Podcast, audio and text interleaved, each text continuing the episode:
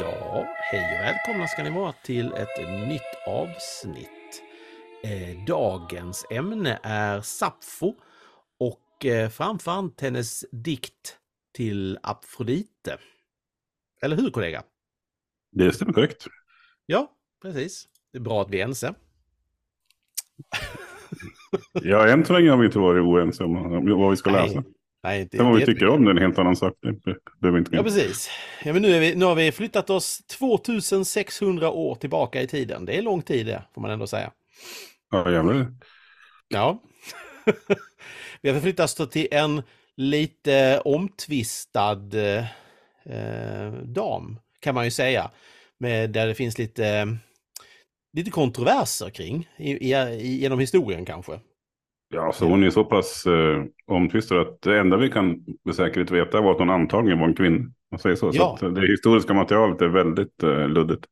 Så är det ju. Så är det ju med många sådana här eh, antika grekiska kända saker som Homeros och så vidare. De, vi, vi vet ju knappt ens om de har funnits. Vi vet att antagligen har hon här funnits men många av dem är ju nästintill bara mytiska figurer. Eh, för det fanns ju ingen tradition av att skriva ner historia på det viset eh, på den här tiden när dessa människor levde.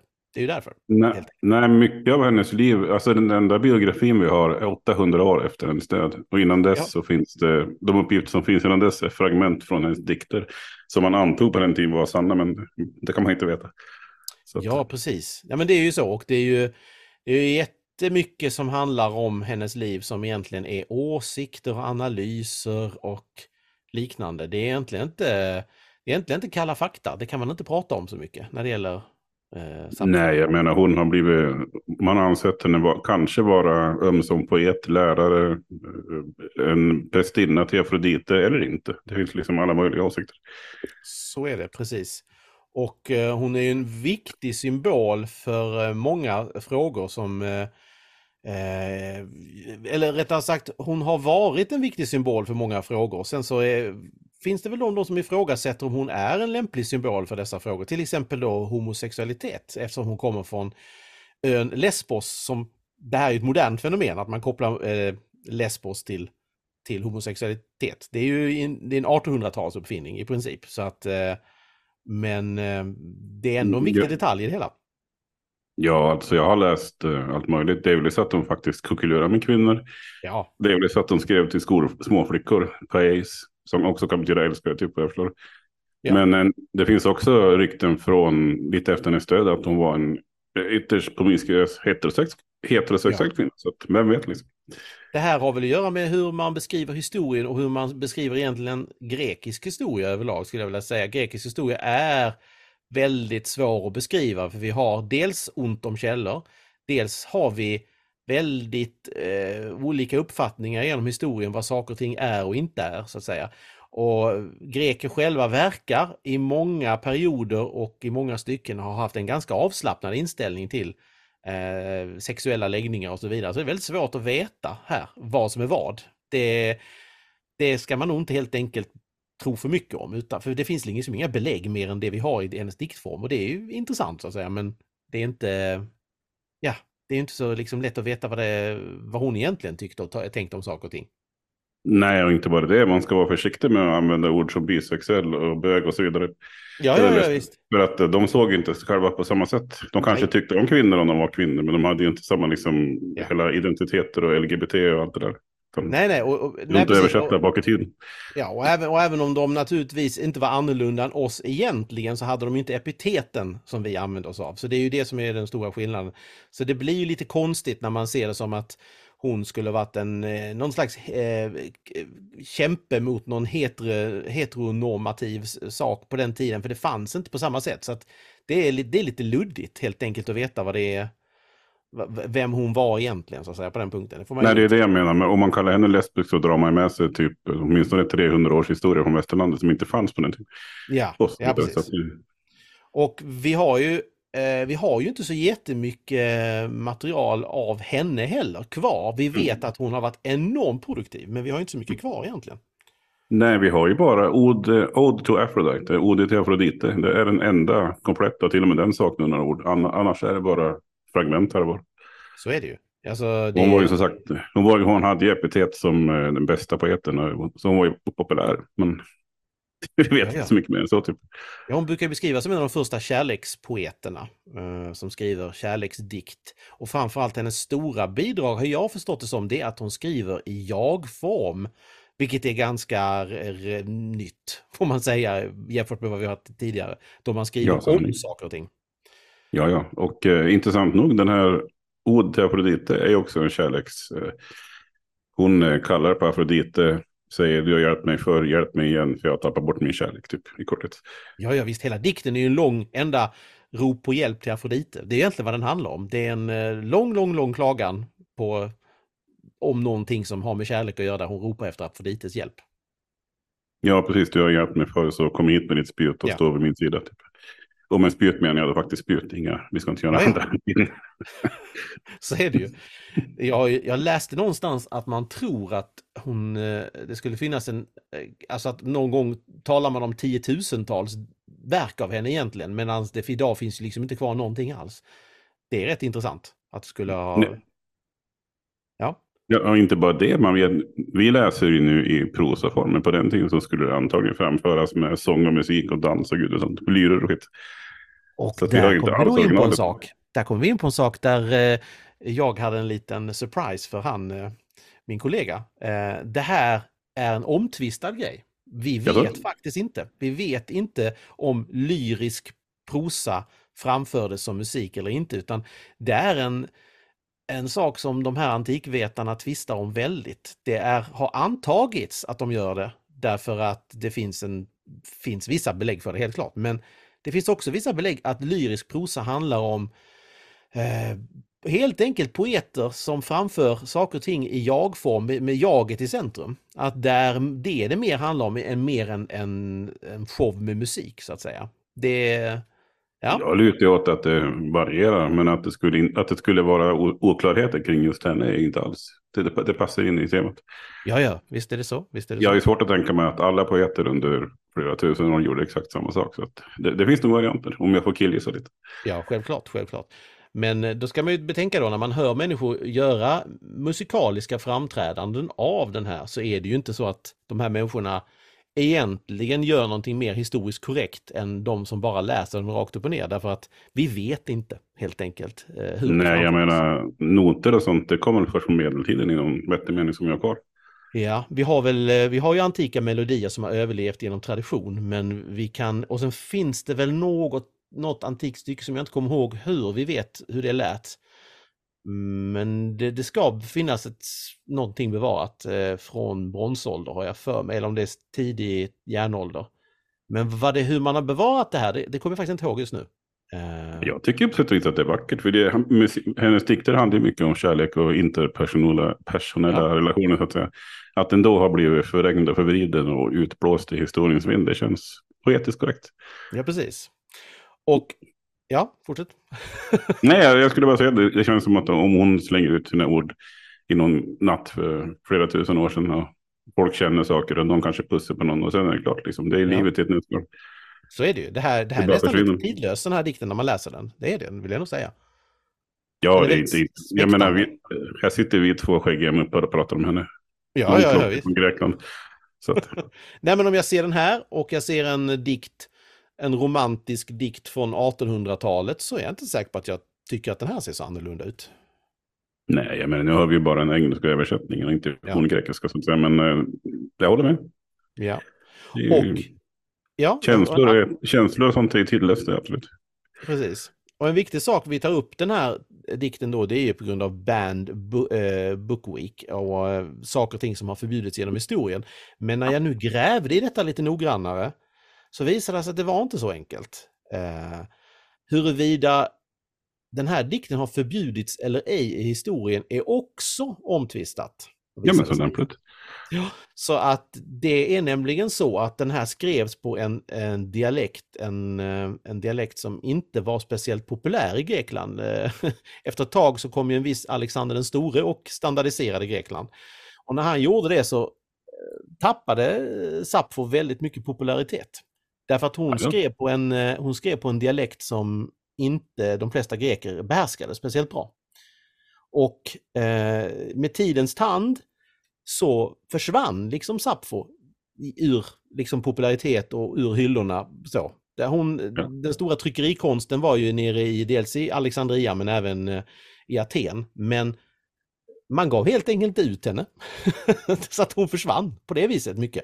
Det var intressant, också passande. Men jag, tycker, jag tänker tillbaka här på om vi läser, även moderna engelsmän läser dikter från 1700-talet. Det är lite samma mm. sak fast inte lika absurt mycket.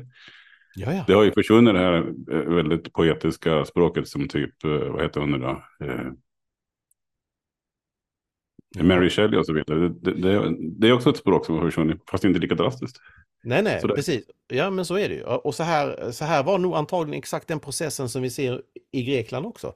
Det är popularitetsförändring av saker och ting som är den stora saken som sker som gör att Sappho går från att vara en stor superstjärna till att vara en mm, liksom en lite mer obskyr sak som kanske ett litet fåtal kände till och materialet började försvinna om henne.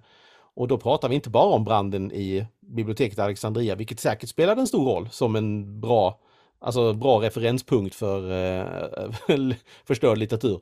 Men eh, det var redan ganska illa med hennes, eh, hennes verk, redan innan dess faktiskt. Så att, eh... Men eh, när kom hon, jag får intryck av att hon blev populär igen när de började, när engelsmän började gräva i ja. antika saker. Det här är ju renässansgrej, det här är renässansen. Också ja, eh, när man börjar ska tjurigt titta tillbaka på vad man tycker att medeltiden har förstört så, så tycker man ju bland annat då att eh, oj, titta här, vi har en, en påve som bland annat skulle ha förbjudit eh, Sappho. Och det kan vara sant att han gjorde det, den här påven, men det hade liksom, det var ju bara en av tusentals saker som de här påvarna förbjöd. Och det var mycket symboliska handlingar. Det var inte så att det var massa män som gick runt med facklor och eldade ner en massa bibliotek där de här böckerna fanns i. Det var inte så det funkade, utan det här var mycket mer att man kände till att de fanns och det skulle helt enkelt inte spridas mycket mer om det tyckte man, för det var ogudligt och så vidare. Men det var ingen sån här förbud som antagligen var så kraftfullt i praktiken, skulle jag vilja påstå. Eh, Ja, och det innebär ju då, ja, renässansen då så eh, förstorar man gärna upp eländet på medeltiden ganska hårt. Det, det, det ligger i renässansens intresse att prata illa om perioden innan. Och lustigt nog så förstorar man upp saker som inte hände. Jag menar, romarna bodde ju inte i vita städer som var vita liksom, utan Nej. deras statyer var målade och det var en helt annan värld än de inbillade sig, dessa renässansmänniskor. Ja, ja, men så är det ju. Det här är ju en bild som har att göra med vad man, vad man såg. Man såg ju de eh, överlevande ruinerna och överlevande städerna och där var ju färgen borta från väggarna och då tänkte man att eh, ja men det är klart det måste se ut på det här viset. Så, så bygger man upp en, en bild som egentligen inte stämmer och så blandar man in moderna ideal på 1600-1700-talet. framförallt 1700-talet där man tycker att det är snyggt med det vita och det ljusare och, och så. Och då är det klart att det präglar bilden av antiken som en vit och ljus tid liksom också. Så allting kring Sappho är liksom, eh, vad ska man säga, löst, det far i vinden, det är eteriskt. Jag tycker återigen är väldigt, det är väldigt vackert på något vis, även om hon kanske inte hade den med. Ja, och med det i åtanke så tycker jag också att då ska vi inte lita så mycket på våra bedömningar heller, därför att det är mycket möjligt att vi sitter och projicerar väldigt mycket på Sappho som inte alls stämmer. Lika mycket som renässansen och lika mycket som eh, ja, efterkommande 1700-1800-tal gjorde. Det, ja. Jag tror det är mycket projicering. Nej, alltså hon hade ju knappast känt igen sig i vår beskrivning tror jag inte.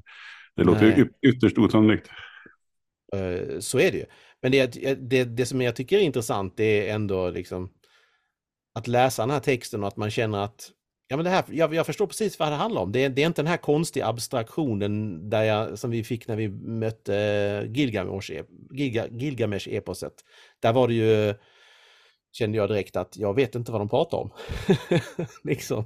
Nej, men det var ju lite närmare en tid också, måste jag våga påstå. Ja, men det är ju inte jätte... Alltså vi snackar ju fortfarande en tid långt innan modern, modern litteratur, detta ju. Det här är ju... Jo, fast grekerna, eh, och, och, som senare tog, sig över av romarna, är ju mera direkt linje till moderna svenska samhälle, om än avlägset. Ja. Jo, absolut. Visst finns det så. Visst finns det det.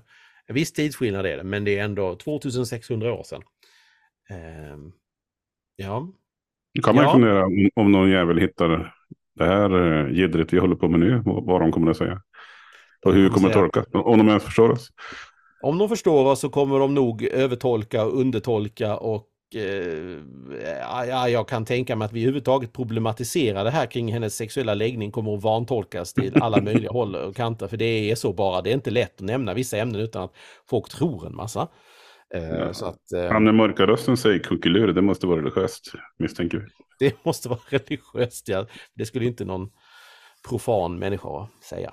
Absolut. Nej, de kommer inte att hitta det ordet i texter från, från min livstid. Liksom. Så det måste vara obskyrt, alltså heligt.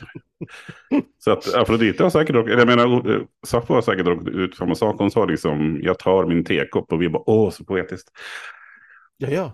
Alltså att, att man projicerar in en massa idealbilder på saker och ting, det, det är givet. Det kommer, det kommer de göra med oss också. De kommer tro väldigt mycket om oss om 500 år när de sitter där och lyssnar på dessa poddar. Det är bara så. Ja, det var kul att höra, men sådant är livet. Eteriskt Ja. och flyktigt.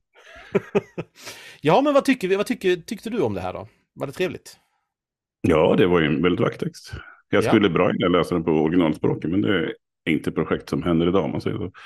Nej, nej precis. Och sen det finns ju människor på, på YouTube som har, som har gjort eh, grejen att just läsa upp det på någon slags gammal eh, grekisk di- dialekt. Förhoppningsvis den korrekta då. Men eh, ja, jag vet inte. Vem, det säger ju inte så mycket när man lyssnar på det om man inte kan det. Det är ju... Nej, alltså det, är- det är Lite lite som det, det, i, det, I den meningen påminner det mycket om Gilgamesh. Man bör ju kunna språket och kulturen och religionen och hela den kontexten. Ja, För att få riktig översättning. Så nära man nu kan komma. så nära man kan komma, ja. Precis. Så att, eh, ja. ja. Något mer, kära kollega, du vill tillägga? Nej, men jag vill nämna Band Books Weekend. Det kommer att komma lite mer material om det. I, Ja. Här och var. Från, på, på vår blogg och i vår podd och så vidare. Precis. Vi står ju ändå för yttrandefrihet och eh, dylika Ja. fina saker. Oh ja, vi är väl lite grann av yttrandefrihetsfundamentalister, så det gör vi absolut. Så att eh, vi gör vad vi kan. Det är, en, det är inte lätt att få in det här på en vecka eller två. Två säger jag därför att det verkar vara som att man har viss olika uppfattning om när denna veckan är i Sverige och USA. Eh, så att vi passar på att använda oss av bägge veckor till detta. Eller hur? Och sen har vi ju, vi ser givetvis fram emot imorgon när Nobelpriset i litteratur eh, Ja, annonseras. precis, det är morgondagen när vi spelar in detta så att det kommer bli väldigt spännande och vi ska väl naturligtvis se vad vi kan göra eh, i detta ämne. Eh, Det blir också intressant. Ja, jag kommer ju att sitta så som klistrad framför eh, någon livesändning. Sändning. Ja, absolut, det kommer jag också göra. Det, det måste man göra känner jag. Så att, eh, det är en stor högtid. Ja, herregud. Jag menar, ett, ett litet land här uppe i bistra norr som har fått sån, inte bara det priset, utan Nobelpris överlag. Ja, ja, ja men det är så. Det ligger i vår makt att bestämma vad som är världens bästa bok eller författare detta år. Och då gör vi det, helt enkelt. Ja, den makten släpper man inte. Nu jävlar. Nej, nej, Sverige precis. has the power. Ja, nej, rent allmänt så har vi, ju, har vi ju tänkt att vi ska strukturera upp podden och det är ju trevligt angående att försöka vara lite noggranna med att följa de olika händelserna som sker under året. Eh, vi har varit lite spontana hittills, men vi ska nog försöka följa de där sakerna så att ni kan räkna med att vi uppmärksammar allt viktigt som händer. Och så lyssnar ni på oss så kommer ni också hänga med med allt viktigt som händer. Ja, vi har, vi erbjuder stor ROI som man säger på moderna affärssvenska. ja, absolut. Så att, eh, ja, men eh, då kära kollega så tänker jag att vi tackar för idag. Ja, och så tackar vi Sappho för hennes gärning för alla dessa år sedan. Det gör vi, verkligen. Och eh, vi hörs snart igen alla där Det ute. gör vi. Adjö! Adjö.